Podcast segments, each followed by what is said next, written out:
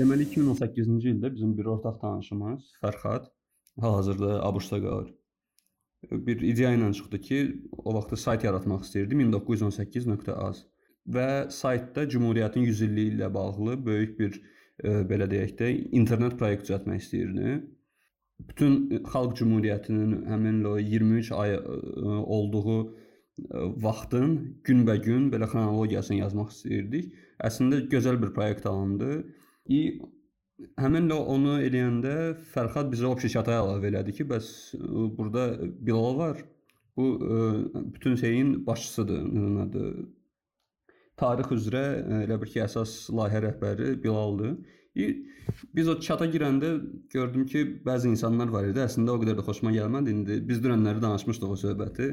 Mən çatda deyirdim ki, bəs şeylər lazımdır, materiallar lazımdır. O materialların çoxusu da ki, rus dilindədir. Bizimkilər orada o çatda olanlar isə çoxsu heç rus dilini belə bilmirdi.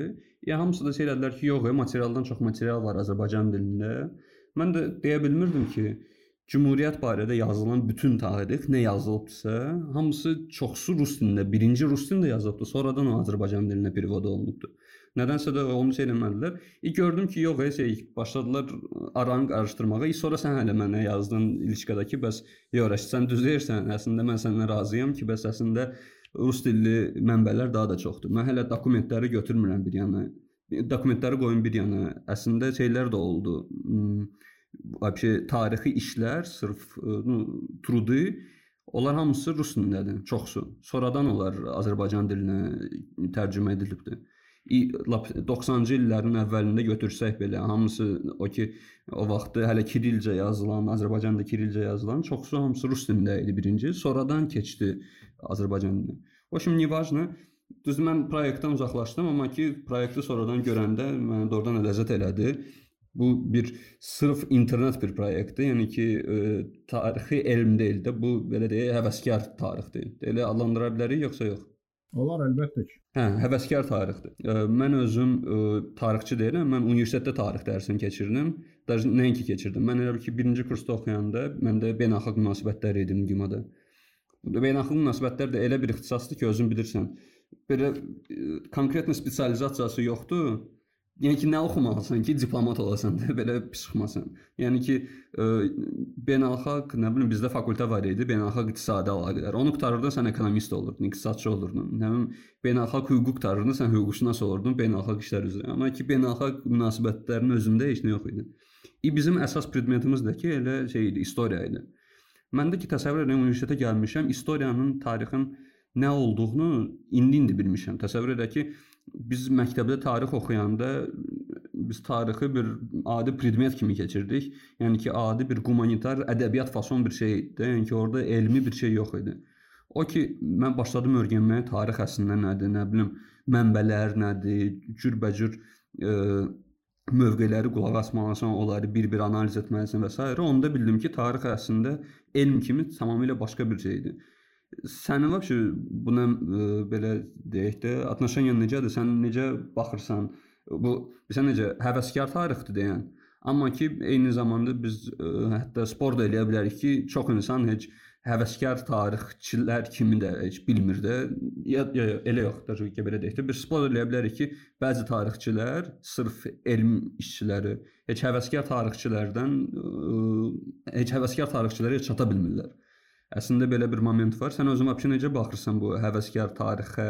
Vəbşi yəni ki həvəskar olub ondan yəni ki kitab buraxıb ondan pul qazanmaq düzgündürmü? Yəni ki o birislərin qabağında, yəni ki necə deyim, bilirsən necə sənin də sənin spesializasiyan başqadır, amma ki insanlar onun üçün nə bilim vaxt öldürürlər, illərlə, 10 illərlə kafedrada, nə bilim universitet oxuyurlar, sonra tarixçi olurlar. Biz isə adi bir həvəskar tarixçiyik bu günləri nəm AXC-dan AXC-yə AXC-yə görə bir dənə internet proyekt yarada bilərik. Sabahları indi belə bir podkast yarada bilərik. Amma ki onlar sonra deyəcəklər ki, bəs necə olur? Biz 10 ildir burada kafedrada özümüzü öldürürük, bir şey yaza bilmirik. Amma siz burada 2 dəqiqə ərzində nəsə belə bir şey yaradırsan. Onu necə sən necə baxırsan ümumiyyətcə bu şeylərə? İndi həvəskar tarixçini e, professional tarixçidən ayıran əsas şey kağız parçasıdır da. Yəni onun ə, e, hər hansı bir ali təhsil ocağında aldığı təhsilin, diplomun və yaxud da hər hansı bir sertifikatın olmağı yalnız e, fərqləndirə bilər də çünki. Başqa ə, nə fərqləndirə bilər ki? Bəli, mən səninlə tamamilə razıyam. Ə, elə tarixçilər var ki, onların ə, belə deyək də, ə, həvəskar tarixçi adlandırdığımız insanlardan ə, bilik kapasitesi, yəni bilik səviyyəsi və yaxud da ə, bilikləri daha azdır. Var elələr də. Bu əsasən də ə, Sovet dövründə, yəni nomenklatur dövründə daha çox yayılmışdı ki, bu ümumiyyətlə bizim cəmiyyətimizə də təsirini göstərib. Yəni insanlar e, həp belə diplom diplom almaq üçün dəridən qabıqdan çıxırlar. Fərqinə varmadan ki, yəni əsas diplom deyil, e, əsas e, insanın qazandığı bilikdir. Ya bizdə biliyə yanaşır da, e, biliyə yanaşma da biraz nomenklatur yanaşmadır. Yəni bizim üçün daha çox biliyin özü yox, O biliyi hər bir kim, hər bir hər hansı bir insana sübut eləmək üçün ə, e, əlində olan kağız maraqlandırır ki, hə. Bir də tez-tez bizim cəmiyyətdə belə bir söz deyirlər də. Hə, mən 2 dənə institut qurtarmışam. Belə bir də görsən yerli yersiz deyirlər ona. Hə, e, yox qardaş, bilirsən, mən də 2 dənə institut qurtarmışam. Hə, əsasən də bu ə, e, maşın alverçiləri arasında geniş yayılmış bir tendensiyadır.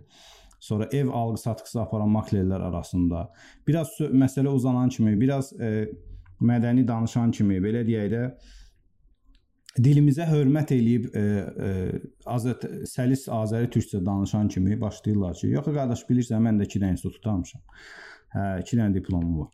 O ki qaldı həvəskar tarixçiyə. Məncə bu həvəskar və professional tarixçi arasında ə, e, fərq çox ə, e, çox belə deyim, çox həssas bir fərq var.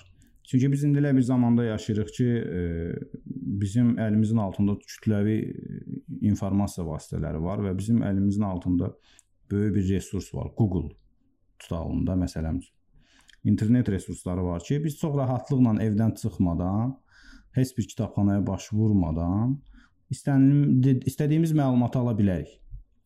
Yəni bunun üçün şərt deyil gedib ali məktəbi bitirəsən. Ali məktəblərin ə, e, əsas ə, e, o zaman o dövr üçündə mən nəzərdə tuturam. Elə indinin özündə də Azərbaycanda əsas ə, e, müsbət tərəfi o idi ki, onlar lazımi materiallarla səni ə, təmin edirlər. Təmin edirdilər, bəli. Və təbii ki, müəllimlər insan resursları. Amma sən indi evdən çölə çıxmadan da özünün o materiallarla özü və hətta da artığı ilə təmin edə bilərsən. Ona görə məncə bu ruslar demişkən qrayn, yəni bu həvəskar və professional tarixçi arasında olan bu xətt, bu nəzi bir sim artıq çox göt götürülməsə də tam, amma belə gözə görünməz bir vəziyyətə çatır. Çünki e, yenə dediyim kimi həvəskarı professionaldan ayıran yalnız onun hər hansı bir sənədləridir. Amma elə bir həvəskar tarixçi olar ki, onun e, ictimai e, səyi nəticəsində, iş, iş, yəni ictim, ictimai belə deyim də hmm, e, yəni bu cəmiyyət arasında ümumiyyətlə insanlar arasında ə, e, elə bir əməllər eləyər ki, elə bir şeylər, elə bir kitablar və yaxud da elə bir araşdırmalar ortaya çıxar ki, ona artıq ə, e, hər hansı bir diplomsuz və kağızsız da belə professional tarixçi demək olar yəni. Yəni insan sonunda öz yerini tuta bilər yəni. Yox, mən elə bilirdim ki, sırf həvəskar tarixçi ilə belə deyək də elm tarixçisinin arasındakı olan fərq odur ki, elm tarixçisi daha da çox mənbələrdən istifadə edir. Yəni ki, e, cürbəcür ə, e, mövqeləri qulaq asır. Qulaq asır deyəndə baxır və analiz edir. Həvəskar tarixçi isə məndən nədənsə də elə gəlir ki, düzdür, o da, da həvəskardan həvəskara da fərq var o heç. Amma ki, həvəskar nədənsə mənə elə gəlir ki, oturur sadəcə olaraq bir-iki mənbədən öyrənir. Şey, Wikipediyanı oxuyur. ASO Wikipediyada xəbərləri yoxdur ki, universitetdə Wikipedia adını çəkən kimi adamın başından belə qapaz qoyurlar ki, Wikipediyanın adını çəkmə. Yəni ki, Niday Boxan hansısa fərq etmir özdə hissə olsun, tarix olsun, nə olur olsun, sən Wikipediyanın adını orada yaza bilmərsən belə. Yəni ki, də, o, hamı bilir də onu, yəni ki, universitetdə kim oxuyubsa, indi indi. Onlar hamı bilir ki, Wikipediyadan hə istifadə etmək olmaz. Həvəskar tarixçi də oturur Wikipediyadan oxuyur. Heç onun hətta Wikipediyanın özündə də belə citationlar vardı, mənbələr var. Heç aşağı otur düşüb şeylərə mənbələrin özünə baxmır, hansı mənbələrdən götürülübdü və s. Əslində Wikipediyanın ən maraqlı tərəfi elə o mənbələr tərəfidir. Açırsan spistiki bir-bir basırsan, girirsən içəridən oxuyursan, o daha da insanın böyük bir şəklini çəkir də ümumiyyətcə məqalənin. Mənə elə gəlir ki, sırf bundadır. Yəni ki, özün də görmüsən ki, Cimboli belə bir həssas, belə bir temada, axaca temasında nədənsə də insanlar biz dünənlər səninlə telefonla bunu danışırdıq ki, bəs burada belə aşırı şeydə ə, münasibətdir sırf şeyə, nədir onun adı? Axacaya. Özün görürsən ki, yəni ki, insanlarla nə spor eləmək olar, nə ki bir şey. Yəni ki, görürsən ki, məsələn də elə dostumun hansısa kommentariyasında görürəm yazıbdılar görürəm ki, düzgün deyil də, yəni ki, açıb oxusan, doğrudan da görürsən ki, nivajna hansı sabitiyadır. Onu hələ qoyaq bir qıra. Görürsən ki, indi sən buna arqumentlarla gətirirsən ki, yox, bax birinci bu olubdu, sonra bu olubdu. İ sonra da ki, bu hamısı bax gətirib belə bir şeyə çıxardıbdı. Yox deyir ki, yox, elə deyil. Nə bilim, elə deyil. İ bir nəfər tarixçinin şeyini gətirir, satını gətirir ki, yox elədir. O tarixçi hə halaldır, onun bir hansısa bir şeyi var, mövqeyi var. Amma ki, bəs sənin onun belə zaşitası biraz necə deyim, bilmirəm anlada bildim yoxsa yox. Yəni ki, ə, necə deyim, как же правильно сказать? Мол, он защищает позицию не свою, а чужую, которую увидел когда-то. И не факт, что чужая позиция его тоже правильная. И он начинает аргумент, даже без аргументов со мной спорить, и в итоге он не понимает, onun qabağında mən şey çıxıram, satqın çıxıram ki, bəs yox, mən axacana nədənsə də şey eləmirəm, xoşlanmıram. O da mənim qabağımda bir şey, belə bir bəsit bir şey alınır. Как-то не тоже получается, или я не прав в этом смысле. Sırf o fərq var idi. Yox, düz deyirsən. Biz bu barədə dünən də danışdıq. Yəni biraz e, Təbii ki, hamının yox. İnsanlarımız arasında əsasən də bu virtual aləmdə aktiv olan e, bu müəyyən mübahisələrə qoşulan və mübahisə etməyi sevən insanların bəzilərində biraz belə reallıqdan uzaqlaşmaq kimi bir tendensiya var. Yəni insanlar reallıq hissini itirirlər, obyektivliyi itirirlər. E, Azərbaycanda ümumiyyətlə Azərbaycan Xalq Cəbhəsi, e, əstəğfurullah. Xalq Cümhuriyyəti, Xalq Cümhuriyyətini deyirik biz. Məsələn, Ədalət bəy Tahirzadə sənin keçən verilişində Ramiz bəy də onun adını çəkdi. Dəyərli ziyalımız, tarixçimiz, əsl peşəkar tarixçimiz. O deyir ki, əslində Xalq Cümhuriyyəti deyildi, Azərbaycan Cümhuriyyəti idi. Onun hətta son dəfə belə bir kitabı da çıxdı ki, mən e, Ədalət bəylə danışanda da o mənə dedi ki, Xalq Cümhuriyyəti yox. Azərbaycan Cümhuriyyəti. İndi e, biz bu xalq cümhuriyyətini nədən götürmüşük? Azərbaycanskaya Demokratическая Respublika məsələsindən. Dediyin kimi yenə o məsələnin üstünə gəlir. Görsənmi, tərcümə olunanda başqa bir tərcümələr olub. Yəni özəy rus dilində olub deyənə tərcüməsi. Onun ondan götürüb belə getmişik, amma adam ə, e, araşdırma aparıb, araşdırıb və sübut edib ki, yox. Azərbaycan Cümhuriyyəti. Xalqlıq orada bir şey yox idi belə çıxmasın. Hə, hökumət var idi. Azərbaycan Cümhuriyyəti idi. Azərbaycan Cümhuriyyəti bizim üçün niyə vacibdir? Yəni niyə görə ə, e, insanlarımız ə, e, bunun ətrafında e, əsasən 90-cı illərdən sonra dünyaya gəlmiş olan 90-lılarda belə 90-cı illərin nəsilləri. Çünki ə, Cümhuriyyətin olmağı və Cümhuriyyətimizin qurulmağı bizim ə, milli kimlik məsələmizdir. Milli kimlik məsələsi çox vacib bir məsələdir. Çünki bizim milli kimlik məsələmiz 70 il ərzində mən elə ə, e, e, Rus imperiyasına qarışmıram. Mən ə, e, bolşeviklər dövründən danışıram, Sovet imperiyası. 70 il ərzində ə, çox belə ə, hesablanmış üsullarla ə, hesablanmış üsullarla ağıllı siyasət yürüdülərək bizim milli kimliyimiz məhv olunub. Hər tərəfli. İstir dil tərəfdən, istir ədəbiyyat tərəfdən, istir mədəniyyət tərəfindən, istir din tərəfindən komple komple olaraq bu siyasət aparılıb. Özü çox ağırlı aparılıb. Yəni kələ-kötür aparılmayıb, bir mənalı bir nöqtəyə vurmaqla. Və cümhuriyyətimizin olmağı bizim milli kimlik məsələmizdir. Ona görə indi insanlar cümhuriyyət barəsində çox həssasdırlar. Çünki orada milli kimlik, milli şuur, biraz cüzi olsa millətçilik yoxdur bizim millətdə. Ümumiyyətlə millətçilik bizim millətin e, belə deyək də e, nəinki genində yoxdur. Millətçilik biraz e, Azərbaycanda millətçiliyin ənənələri belə yoxdur. Çünki Azər Azərbaycan özü çox etnik millətlərdən toplanmış bir toplumdur da belə deyim. Bu cümhuriyyət məsələsində də məsələ burasındadır ki, e, həssas yanaşırlar. Biraz da xülyalara qapılırlar. Obyektivlikdən uzaq düşürlər və başlayırlar insanlarla mübahisə eləməyə. Təbii ki, mübahisə eləyəndə də e, biraz da mən biz dünən də barədə danışdıq. Bizim toplum biraz folklora, folklor ədəbiyyatına meyllidir. Bu nağıllardır, aşıq dastanlarıdır, lətifələrdir, dedikodulardır. Və təbii ki, mütaliə meyllər çox azdır. Yəni mütaliə eləmədən, araşdırmadan, oxumadan, özün özündə analiz etmədən həmən mübahisəyə girişirlər. Əsasən patriotik hisslərin üzərində. Ki, yəni e, e, adamlar həqiqəti eşitmək istəmirlər. Olduğu kimi qəbul eləmək istəmirlər. Bu da əlbəttə ki, yanlış yoldur. Yəni bu düzgün yol deyil. Bu yanlışlığa çıxarır insanı. Və insan sonra ə, e, xəyal qırıqlığı yaşayır. Müəyyən həqiqətləri görəndə. Sən indi Sovet barəsində dedin. Dedin ki, bəs ə, e, o kimlik öldürüldü də.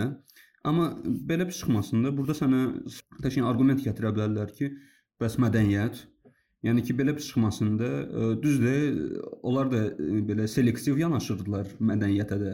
Yəni ki, Nəsimini məsələn ateist kimi göstərmək və yaxud ə, necə deyim, başqa kimləri deyim ki, şey onları xətayını necə göstərilməsi zadı. Yəni ki, bunu sovetlər elə daxil belə bir çıxmasında, yəni ki, bu götürdü hansı bir o milli bir məsələni götürdü, bunu mədəniyyətə, bunu elmə gətirdi də, ədəbiyyata gətirdi.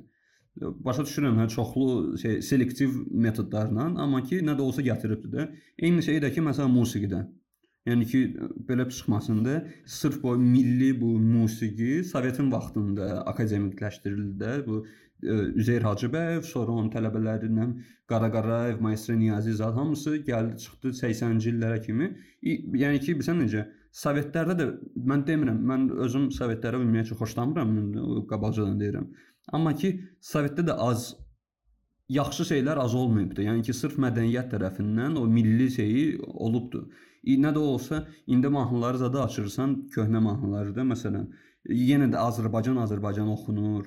Başa düşürəm, ə, on Azərbaycan Azərbaycan Azərbaycan dilində oxunur, sonra düz rus dilində də 4-5 sətr olur.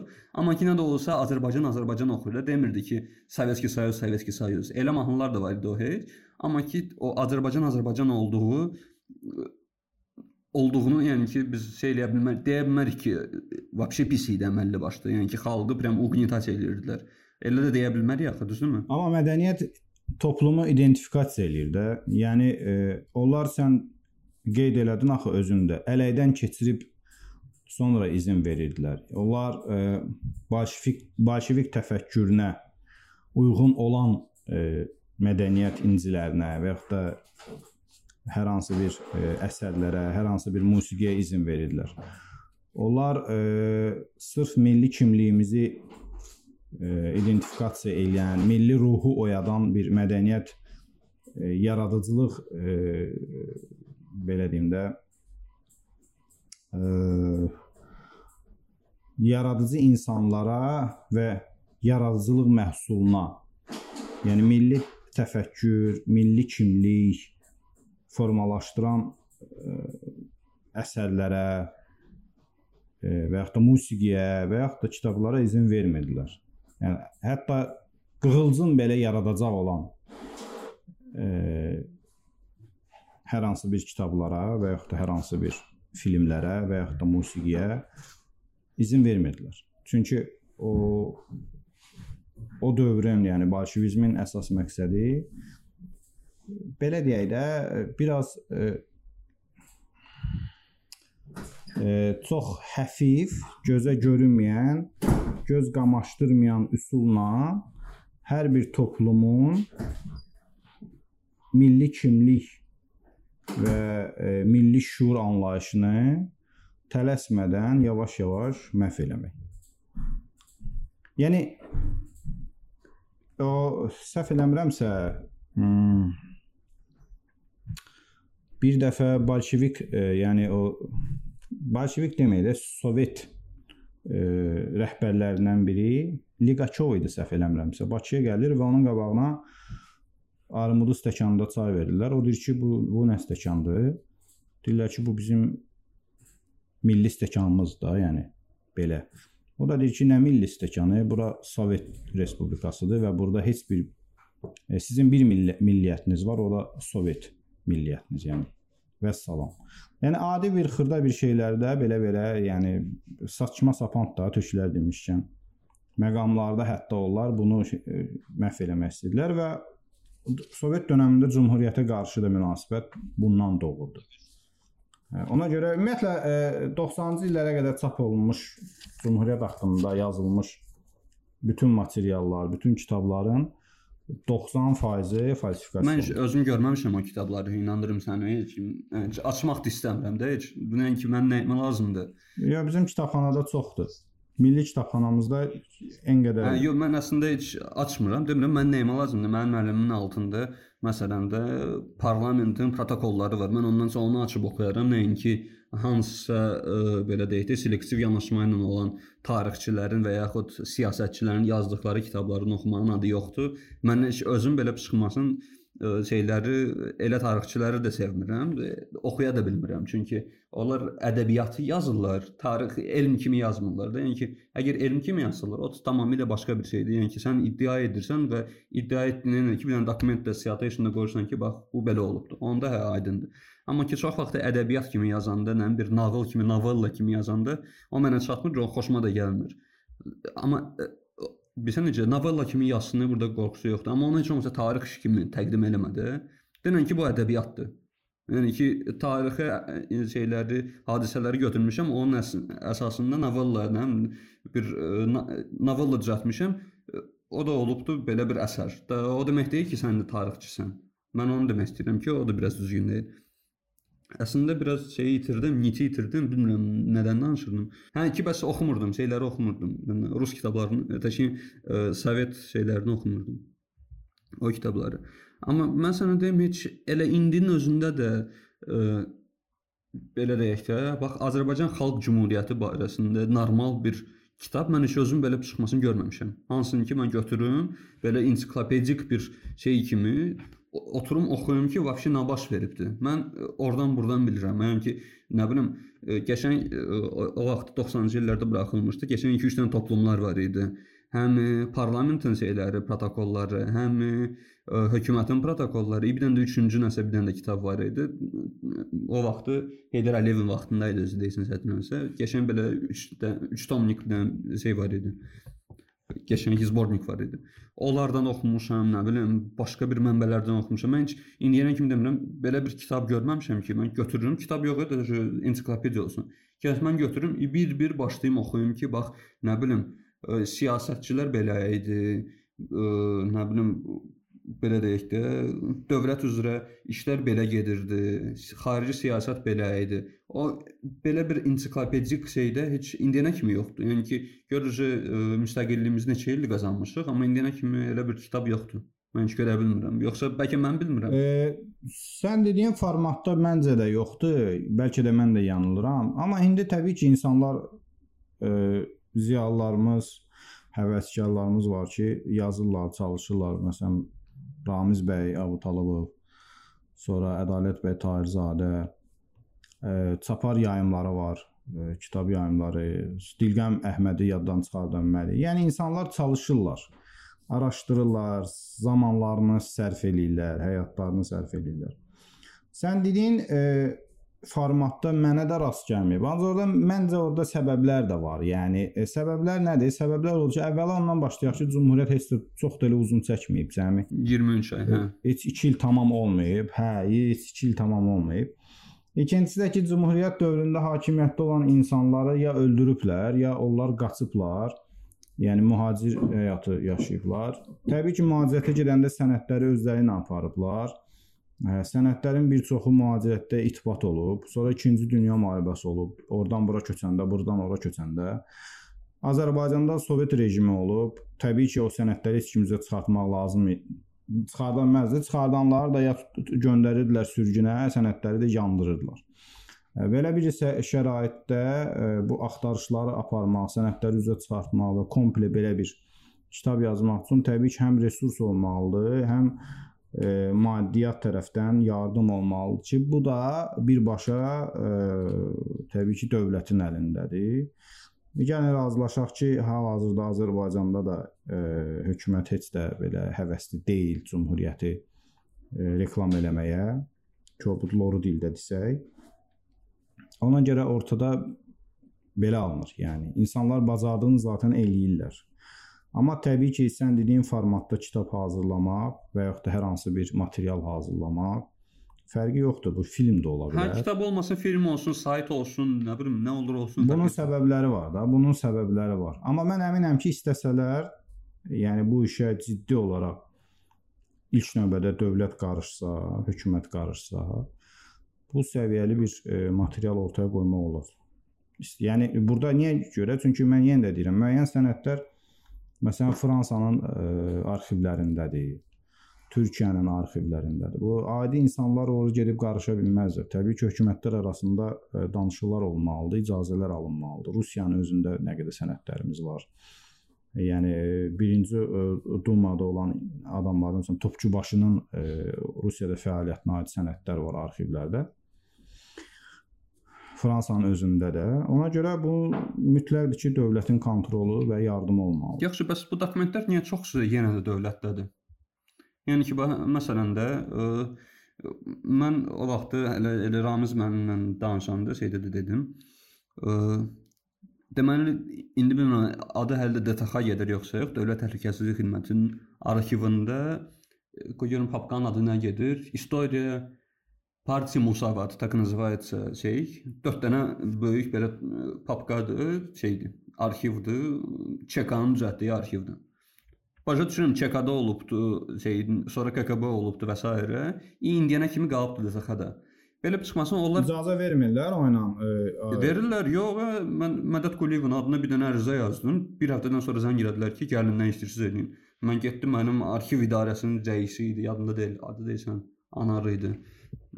İşte məni qarşıladılar, otaq verdilər, gətirdilər papkaları. Hələ 2-3 dən başqa da papkalar verdilər ki, al otur nə qədər istəyirsən işlə. Yəni ki, bilirsən necə? icazə var, amma ki bu dokumentlər hələ də məsələn DTX-dadır. O uje belə çıxmasın, nasionalni безопасностьə heç bir ə, uqrozası yoxdur o dokumentlərin belə çıxmasın.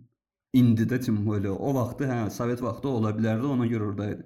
Yəni ki, hələ də bəzi dokumentlər var ki, nədənsə də sir saxlanılır. Mən bilmirəm nədən. Səncə o nədən irəli gəlir? Baxır hansı dövrə, Sovet Cümhuriyyət dövründən gedirsə, ki, sir saxlanılır, izin sir saxlanılmır, yəqin ki, izin verilir. İzin verilmir, hə, belə deyək. Yəni e, təbii ki, izin verilmir o insanlara ki, daha belə deyək də, daha çox həvəskar adamlar, amma professional tarixçilərə bəlkə də müraciət olunsa bəlkə də izin verərlər. Mən bildiyim qədər indi hələ, hələ ki ən çox e, indiyə qədər e, o xüsusi sənədlər e, belə sax əsas xüsusi sənəd kimi saxlanılan sənədlər e, o 37-ci ilə aid sənədlərdir, 38-ci ilə aid repressiya dövrünə aid sənədlərdir. Amma o Cümhuriyyətin Cümhuriyyətə aid hər hansı bir e, təhlükəsizlik komitəsinin e, idarəsində hər hansı bir sənədlərin, arxiv sənədlərinin olmağından açıq heç mənim xəbərim yoxdur da. Yəni bax görsən yenə də heç mən onu səndən öyrənirəm. Heç bilmirdim ki, orada hər hansı bir sənəd də var. İndi mənim üçün çox maraqlı oldu, sən dedin və mənim üçün maraqlı ki, sən orada nə qeyd elədin, nə özün üçün bir araşdırma tapdın. Yəni nə maraqlı bir şey. Mənə şey maraqlı idi. Bu ÇK vaxtı idi, KKB vaxtı idi. KKB yox, hələ ÇK vaxtı idi. Əslində 2-3 dənə maraqlı şeylər var idi. Demirəm, məsələn, elə biz onu şeylə Ramiz müəllimlə danışırdıq. Əhməd bəy Ağayev var idi, parlamentin üzvü, deputatı, şeydə Türkiyədə işləyən. Onun məsələn, plymennik, heç Azərbaycan dilində plymennik sözü yoxdur. Yoxsa bacısı oğlu ya qardaşı oğlu. Hə, bacısı ya qardaşı oğludur. O bilinmir də deyir ki, plemennik. Həmin onun orada danosları var. İ sırf Parisdə baş verən bütün protokol, e, bütün e, görüşlərin protokolları beləcənə sözbəsöz yazılıbdı. Mən belə götürəndə belə biraz şey olmuşdum ki, necə yəni Parisdə yəni ki, o sekretni streçalar keçir, amma o protokollar hamısı burada Bakıda var idi. Xəfiyyələr var idi. Təbii ki, xəfiyyələr var idi. O insanlar ömürlərinin sonuna qədər nəzarət altında olmuş adamlardı çünki. Yox, məsələn, hə elə maraqlı şeylər var idi. Əslində sən deyən elə bir maraqlı bir şey də gör. Ondan başqa maraqlı bir şey görmədim. Yəni ki, başqa nə var idisə, hə heç nə. Rəsulzadədən biraz yazırdılar. Hara gedirdi, hardan gəlirdi. Yəni ki, şeydən ə, bu mühacir olandan sonra axı Rəsulzadə çoxlu ora bura gedirdi axı.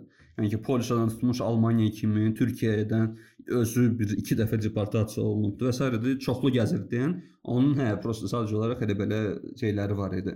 Hansısa qəzetdə nəsə çap etmək izadı olduğunun adi belə statları var idi. Əslində elə bir maraqlı bir şey yox idi o şeylərlə. Sən ümumiyyətcə bu 1918 azı işləyəndə nəsə bir ə, elə bir şeylə qarşılaşdın ki, ki bəs sənə dedilər ki, yox, o mövcud deyil və yaxud ora gedə bilmərsən sən. Yoxsa elə bir şey oldu yoxsa? Yox, elə bir şey olmadı. Çünki öncədən bizdə plan nə idi? Biz Azərbaycan Cümhuriyyəti dövründə, yəni Cümhuriyyət Hə, gəl biraz başa danışaq da bu layihəyə bağlı. Biz ondan başladıq, biraz qırağa keçdik. Mən sənin sözünü həm də kəsdim. Danışaq. Əlbəttə danışaq. Bizdə təbii ki, biz başlamamışdan əvvəl plan hazırladıq və plan bizdə nə idi? Plan o idi ki, Azərbaycan Cümhuriyyətini Cümhuriyyət dövründə çap olunan Azərbaycan qəzeti vasitəsilə e, araşdırmaq və təsvir eləmək.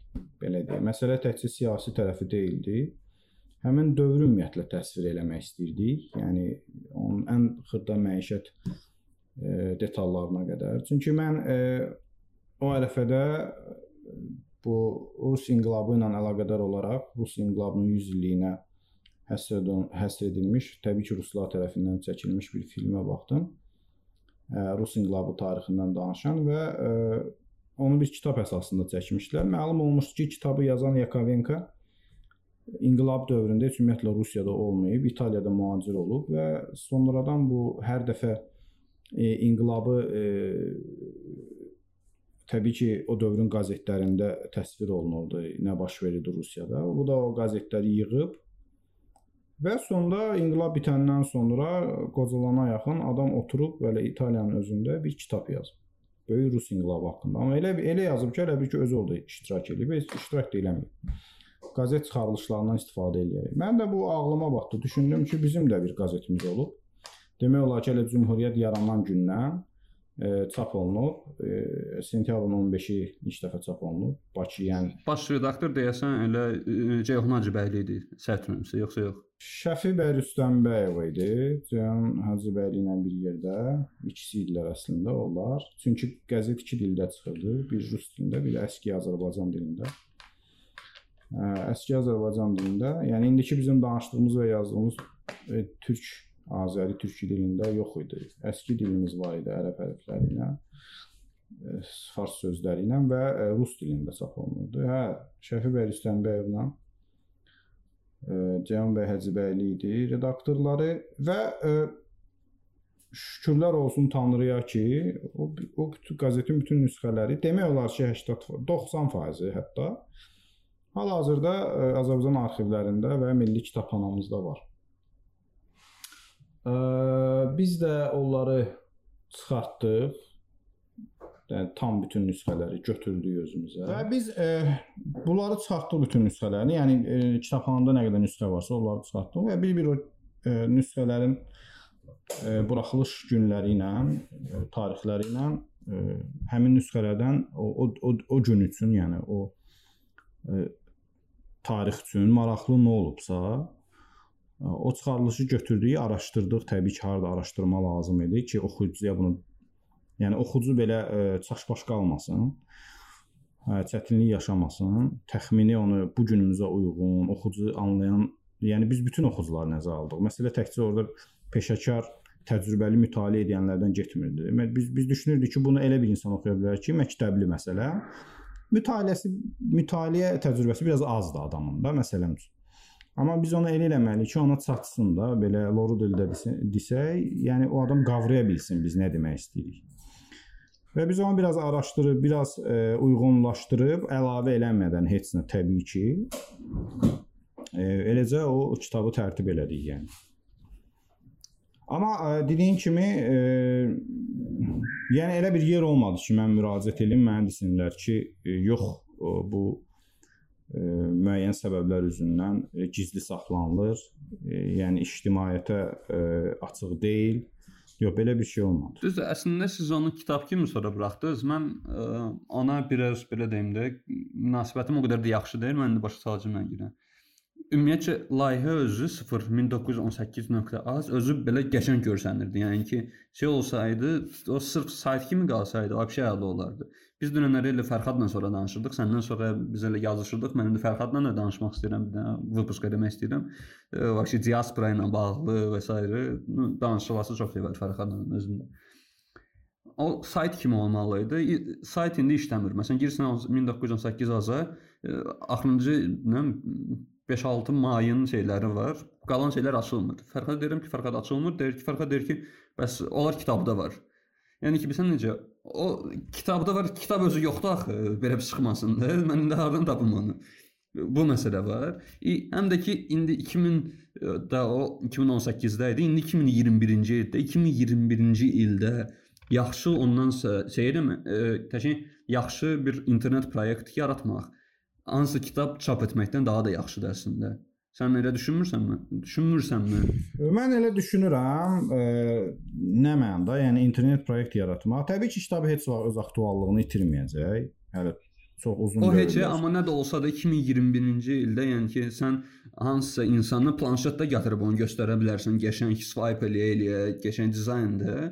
Bir də var ki, hansısa böyük bir dənə kitabı gətirəcəksən ki, Allah oxu, onu deyəcək ki, heç gözlərim ağrıyır, heç onu oxuya da bilmirəm. Necə yəni oxuyum? Düzdür, razıyam. Yəni çox gözəl eləmək olardı. Yəni internet e, daha maraqlı olardı. İstədiyin şəkilləri əlavə eləyə bilərsən, istədiyin keçidləri əlavə eləyə bilərsən, ссылкаları, linkləri əlavə eləyə bilərsən də. O imkanlar daha geniş olur da kitabda. E, əstəğfurullah, internetdə. Kitabda imkan çox da geniş deyil. Sən kitabda Məsələn, keçidləri əlavə eləsən, kitabın səhifələrinin sayı 2 dəfə çox olacaq. Bizim insan da biraz kitab qalın kitablardan hürkür də, qorxur, həmin qaçır qırağa ki, yox, bunu mən harda oxuyacağam. Amma internet ə, o imkanı yaradır ki, sən keçidlər əlavə eləyəsən. İnsan məsələm üçün də, məsələn, ə, biz onu eləmədik də bu kitabda dediyim kimi niyə eləmədik? Çünki səbəb o idi ki, kitab çox qalın olacaq. Məsələn, Denikin. Hə. Denikinin üzərinə bir dənə keçid qoysan, adam tıklayır və Denikin haqqında məlumat alır, onun üzünü görür, kim olub.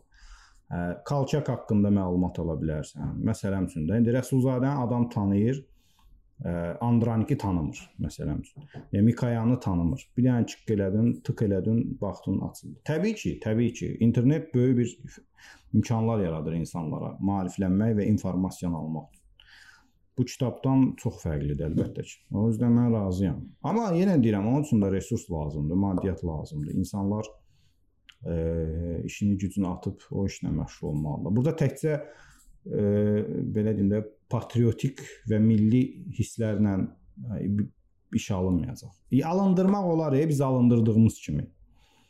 Amma professional səviyyədə, yəni ortaya qoyulası bir iş görmək üçün peşəkarları toplayıb və onların ə, e, hər bir şeylə təmin eləyib, ən əsas da maddiyyatla təmin eləməlisən, lazım olan ə, e, materiallarla təmin eləməlisən.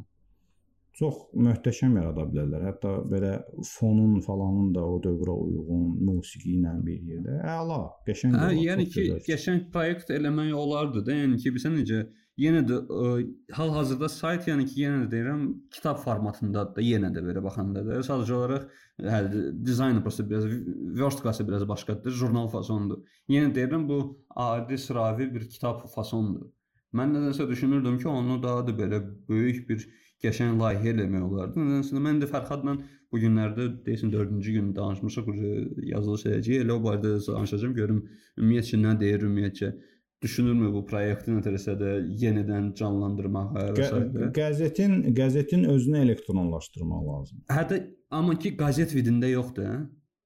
Yəni ki bilirsən necə Biri var onu hə qəzet kimi çap e, prosta digitallaşdırıb qoyasan, o da biraz şeydir də, qeyri-adidir. Amma sən onu götür xəbər saytı kimi yarat. Bax o tamamilə başqa bir şey olacaq. Təbii ki, əlbəttə. Bax xəbər Tokin Lyubova ilə lentazı götür, onun dizaynını götür, elə onu sırf qəzet kimi. O şeyin qəşəng proyekti var idi. Bilmirəm sən görmüsən, tanıyırsan çox güman ki, Mikhail Zıgari var Rusiyada. Həm tarixçidir, həm də ki, nəm Dorsel kanalının baş redaktoru əvvəllər olub, bomba bir tarixçidir. Onun keçən bir dənə proyekti var idi. Yadımdan çıxdı, qoyum proyektin adı nə idi? Hə, onlar nə etmişlər? Sosial seti idi. Kontaktını götürüb şey eləmişdilər. Hə, görmüşdüm hə. Yəni ki, girirsən bir-bir kimisə statusları var və s. Yəni ki, bu uje nəsə bir maraqlı bir şeydir də əslində. Yəni ki, götürüb onu sırf internet layihə eləmişdilər. Yenə deyirəm, kitab kimi və yaxud qəzet kimi adi qəzeti internetə şəklini qoymamışdılar da belə deyək Şəkil olmasın, mətn olsun, все равно это не то da. Yəni ki, sən əgər o qəzeti bir xəbər saytı kimi məsələn qoysan, o tamamilə başqa cür olacaq. Bəli, tamamilə razıyam. Siz mən belə başa düşdüm ki, 3 cildlik kitab elədiniz, yoxsa təkin 3 tomluq kitab elədiniz, yoxsa necə? Yox, 3 tom olmadı, 2 dildə oldu. Əslində 1 tom oldu. Yəni deyim də bizim əsas məqsədimiz e, Cümhuriyyət dövrünü əhatə edən informasiyanı insanlara qısa verməkdir. Yəni insanları hürkütməməyi belə, yəni adamlar biraz oxumaqdan qaçmasınlar deyənə qısa, amma həm də komple. Ona görə biz çalışırdıq ki, təbii ki, ə, qəzetlərdən ən maraqlı çıxarılışları çıxardıb vermişik. O qəzet hər gün çıxırdı və ümumiyyətcə mən qəzetin tarixi ilə bağlı o qədər şey bilmirəm. Həftədə, həftədə bir dəfə çıxırdı, hə. Həftədə bir dəfə çıxırdı və qəzet təkcə siyasi xəbərləri vermirdi də. Orada insanların məişəti ilə də bağlı. Kolonkalar var idi orada, yoxsa təkcə şey, ə, yəni ki, xəbər fasonu idi? Yox, məsələn, məclisdə gedən söhbətlər, xarici siyasətdə nələr baş verir. Sonra ə, hökumət insanları hər hansı bir yeni qanun dəyişikliyini, qanun dişini tanış eləmək üçün qəzetdən istifadə eləyirdi. Müəyyən elanlar var idi məsələn, kimsə dəri satırdı, kimsə müəllim axtarırdı fransız dili müəlliməsi uşaqlar üçün. Biraz bu e, Rus imperiyası dövründə bu burjuaziyanın xassiyyətləri qalmışdı hələ fransız dilini öyrənmək, Fransadan mallar gətirmək, hə, kimsə qramofon satır, kimsə nə bilim. Yəni bu bu da bu da var. Və yaxud da hər hansı bir insanın ölümünü, ölümü əsasən də ictimai bir insan, məsələn Musa Nağıyevin Musa Nağıyevin ölümünü hə ilk sətirdə vermişdilər. Bir neçə dəfə başsağlığı bildirmişdi hökumət. Hökumət qəzetidir də təbii ki. Hmm, no propagandistka qəzetidir də bu. Belə də düzün hə, desək. Hə, hə, amma ə, bilmirəm. Rus dilində çap olunan qəzet idi, yəni bir də əski dildə.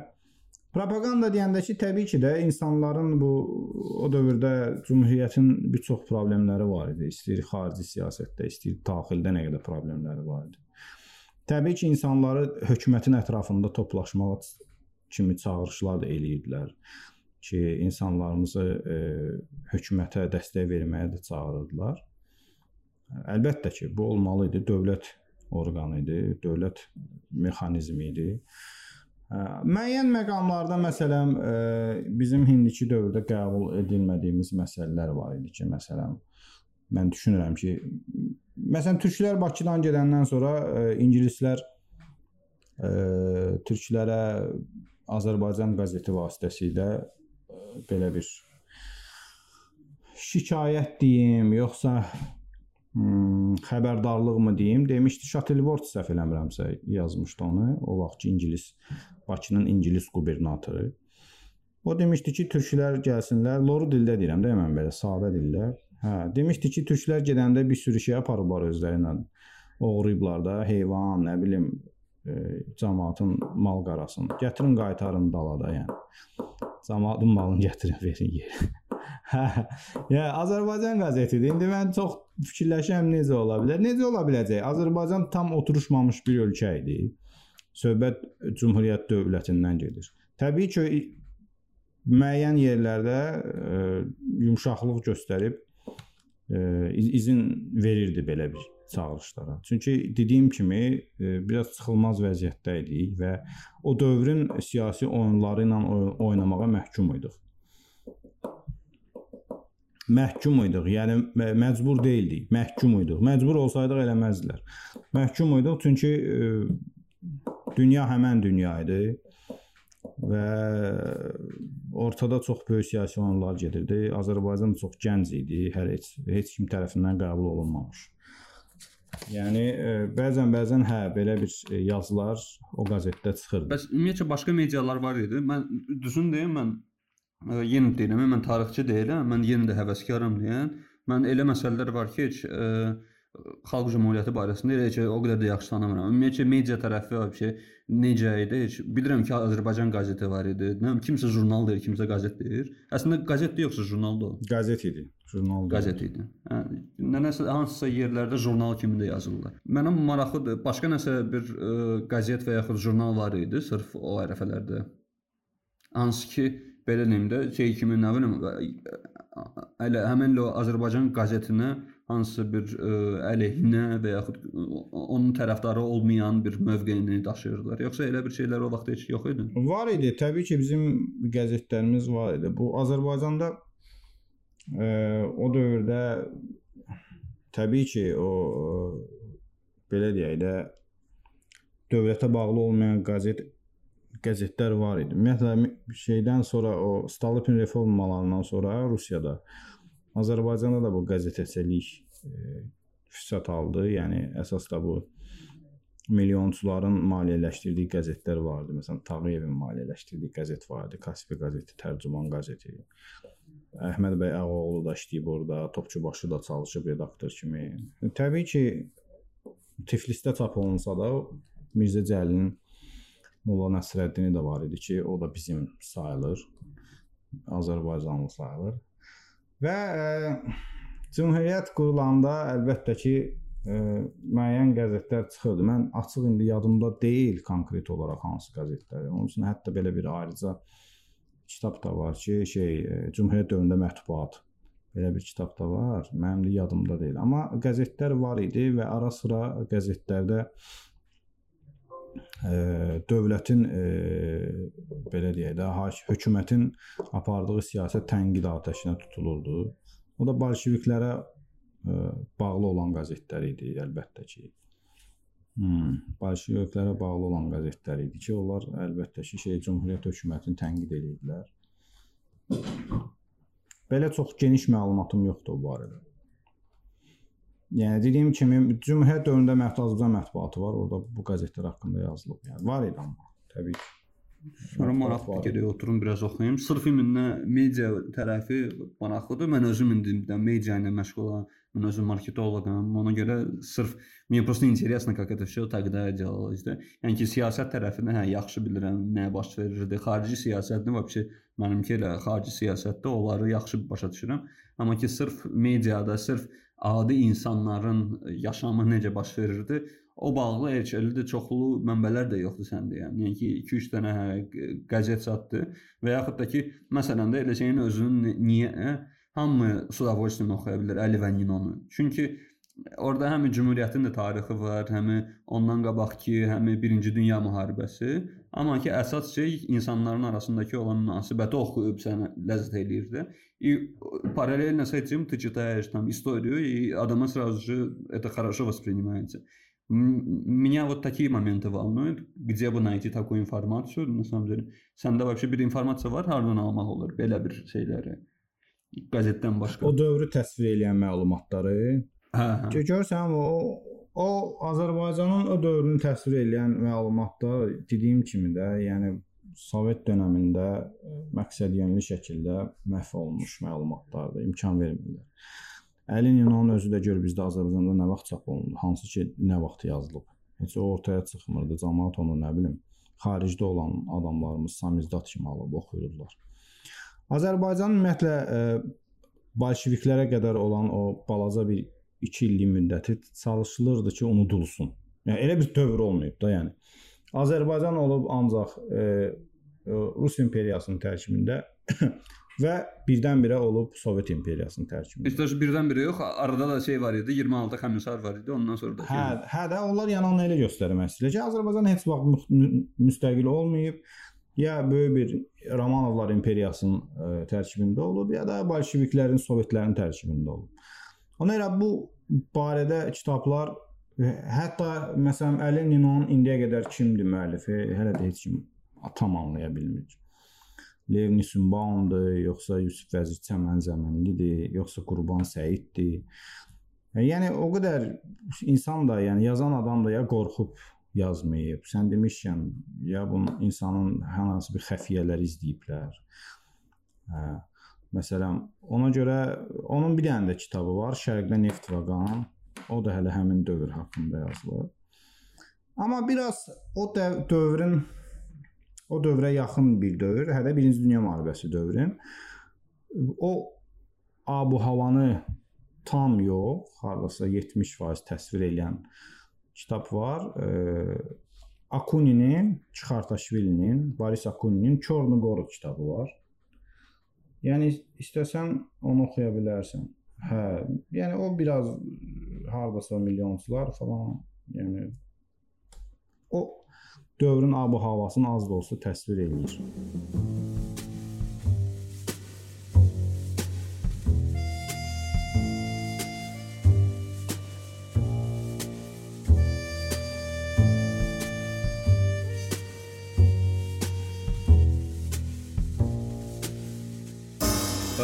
indiki Bakını ə, keçmiş Bakıya bənzədirəm. Dəjə Xalq Cümhuriyyəti vaxtına yox, ondan biraz qabaqki vaxtına da bu neft bumu olan vaxtda. Yəni ki, belə müqayisə eləsək, o vaxtda eksportdan çox eksport var idi. İndi də Bakıda hətta indi hələ azalıbdı. Bir 5 il bundan qabaq Bakıda dolu idi eksport. Yəni ki, любой bir sahədə istəyirsən neft sayəsində istəyirsən nə bilim restoranlarda, otellərdə, hər yerdə ekspatlar işləyir. Sən də ə, qəzet üzrə ə, yəni ki, araşdırmalar eləmisən, belə bir şey maraqlı gəlir ki, mən bunu indi Bakıda da, Azərbaycanda görürəm ki, yenə Azərbaycan nədənsə də Bakıdan ibarətdir. Bakıdan qıraqda vətəndaş cəmiyyəti eldə aktiv deyil. Bakı kimi. Heç Bakının özündə də aktiv deyil. Heç Bakının özündə də aktiv deyil, amma müqayisə eləsək Bakı ilə və Bakıdan qıraqdakı nə də olsa heç olmasa Bakı az da olsa şey eləyir də, nədən adı. Bakıda heç olmasa nəsə baş verir və hansısa bir ə, vətəndaş mövqesini eşitmək olur da. Fərq etmir siyasətlə bağlı və yaxud cəmiyyətlə bağlı fərq etmir. O vaxtda da elə idi, Xalq Cümhuriyyəti vaxtında. Elə idi, əlbəttə ki, Cümhuriyyət dövründə ümumiyyətlə ə, oxumuş insanların, təhsilli və savadlı insanların sayı heç də çox deyildi. O cümhuriyyət yaranandan sonra o 100 dənə tələbə e, dövlət hesabına getdi oxumağa falan oldu. Əsasən e, təhsil alan insanlar e, imperiya dövründə hər hansı bir e, varlı, zadəgan e, insan ailənin insanları idi. Yəni burjuaziya, yerli burjuaziyanın övladları ilə oxumuş. Hə, digər e, əhalinin e, 70-80% təbii ki, savadsız idi, oxumağı bacarmırdı. Və təbii ki, oxumağı bacarmayan, mütaliə etməyən insanlar da ki, hər hansı bir fikir ortaya qoya bilməzlər və ələxüsusda vətəndaş mövqeyi ortaya qoya bilməzlər. Və mən düşünürəm ki, məsələ cümhuriyyətin itirilməsində də çox cüzi də olsa o vətəndaş mövqeyinin olmamağı da özür olma oynadı. Çünki insanlar tam anlaya bilmirdilər. Cümhuriyyətin dəyərini anlaya bilmirdilər. Azadlığın dəyərini anlaya bilmirdilər. Zaten e, imperiya dağılanda heç heç kim də inanmaq istəmirdi ki, Nikolayı kimsə yıxdı. Yəni bizdə belə bir söz var xalq arasında da. Pıç-pıçı Nikolayın evini yıxdı da? Pıç-pıçı Nikolayı yıxar nə bilim. Yəni Nikolay yıxılmayan bir büt idi də. Yəni onu yıxmaq çox müşkül məsələ idi və o e, istefa verəndə belə deyək, istefa vermədi, yəni hakimiyyətdən getdi müəyyən səbəblər üzündən. E, onda da sadə cəmaət hələ də anlamırdı. Sadə cəmaət cümhuriyyətin dəyərini bəlkə də tam anlaya bilmədi sona qədər. Bəlkə də anlamadı, bəlkə də inanmadı. O da öz rolunu oynadı təbii ki. Təbii ki, yəni insanlar e, öz e, dövlətləri üçün e, əl-ələ verib birləşib dövlətin mənafeyini qoruyacaq dərəcədə e, yəni e, canından keçməyə belə hazır olmalıdılar. Amma e, hökumətin ümidi qalmışdı tam komplektləşməmiş orduya. Hə, ordu da ki tam hazır olmadığı üçün qızıl Bolşevik ordusu, Qızıl Ordu çox rahatlıqla Bakıya daxil oldu apreldə.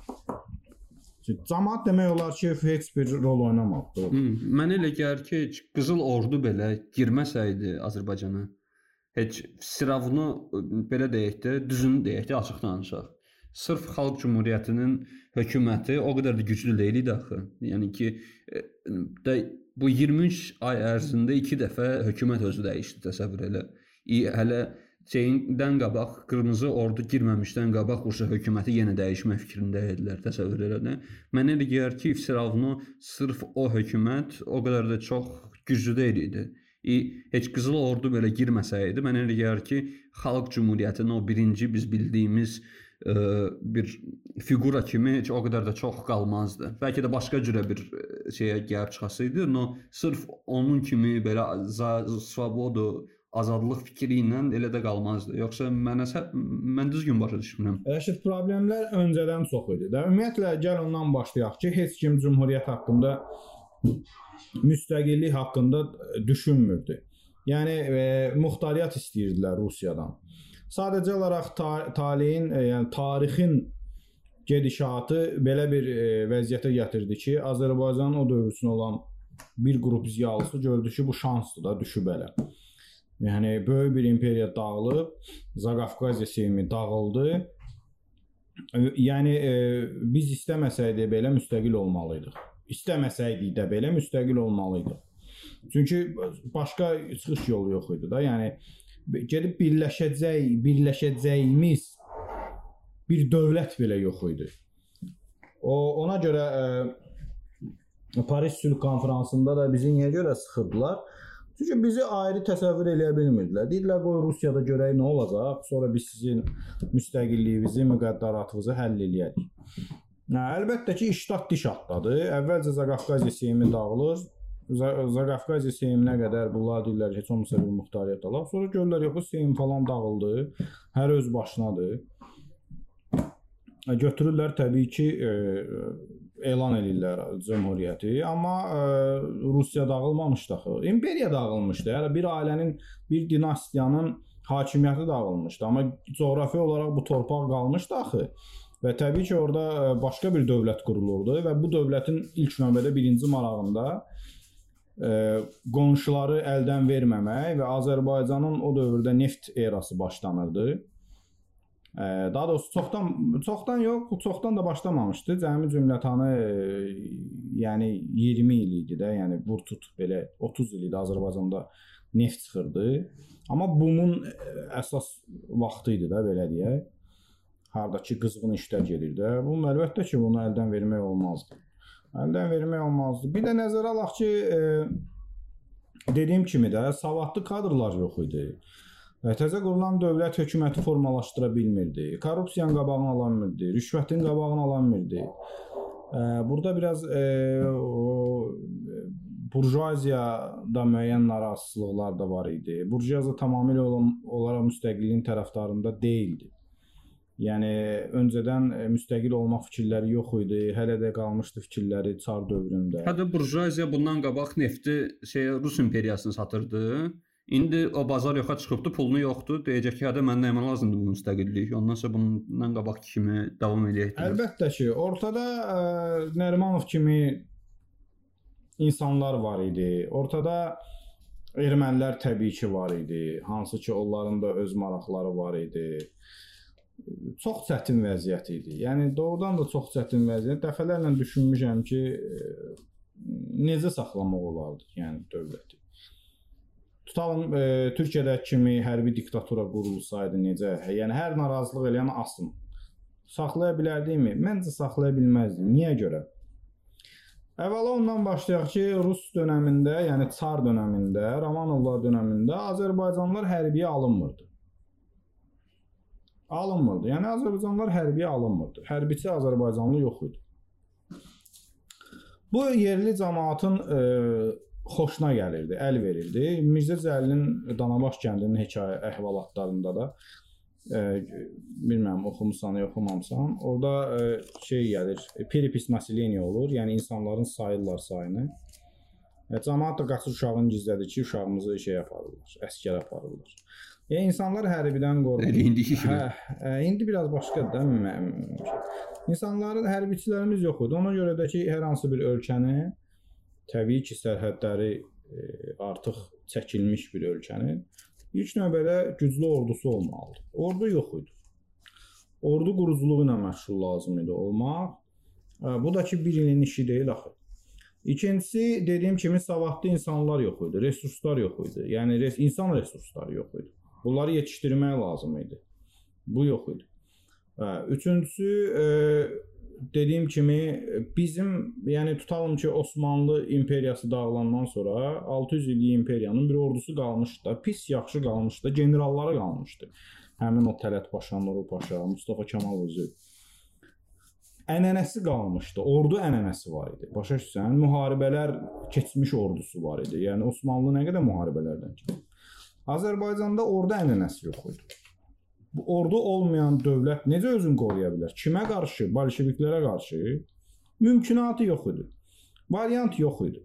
Düzdür. Məsələn üçün dediyim kimi biraz da Rəsulzadə hökuməti çox liberal idi, mülayim idi. Məsələn, niyə parlamentdə ermənilərə yer vermişdilər? Mən başa düşmürəm.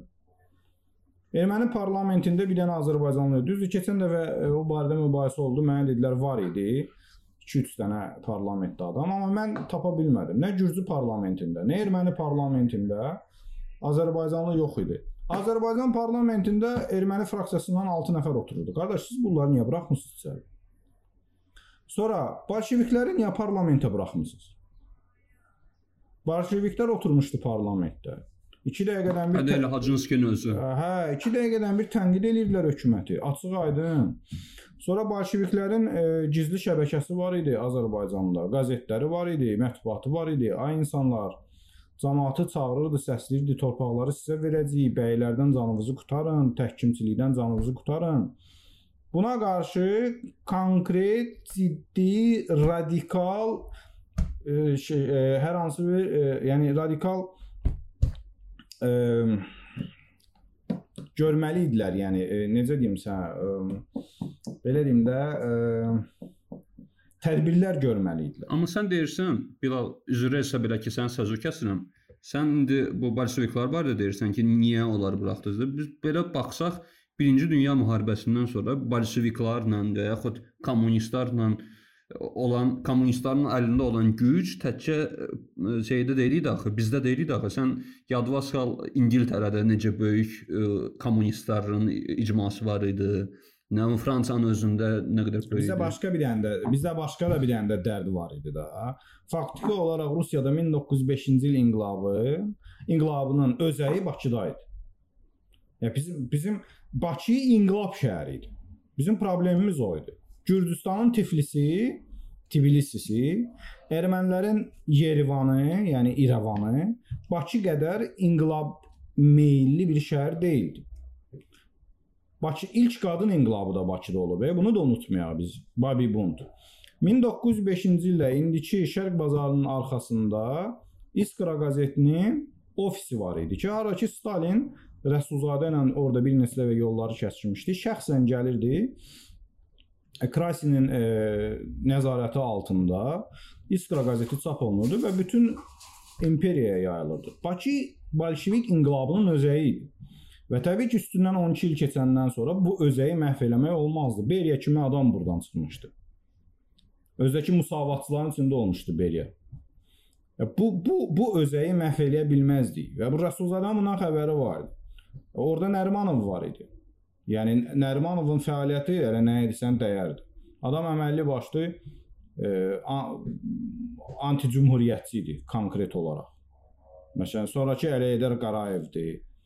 Bünyadzadə idi. Hə də belə Bu çıxmasın Sultanov şey idi. Hə, Nəriman hə. Nərimanov Azərbaycanın sırf şeyidir, Sovet Azərbaycanını düzəldən elə Nəriman Ya mən Nəriman Nərimanov. mən Nərimanovdan danışmaq istəmirəm də. Mən Nərimanovdan danışsam, mən çox kəskin sözlər deyəcəm və kötü danışacağam türklər demişəm. Bu da bizim cəmiyyətdə Nərimanov şəxsiyyəti hələ təzadlı şəxsiyyətdir. Məsələn, niyəsə görə insanlar Əzbəyovu qəbul elədilər satqın kimi. Amma Nərimanovu qəbul eləmək istəmirlər. Nərimanovu bizə ziyalı kimi sırıyırlar. Nərimanovu bizə e, ürəyi yumşaq, həssas, melanxolik bir həkim kimi sırıyırlar.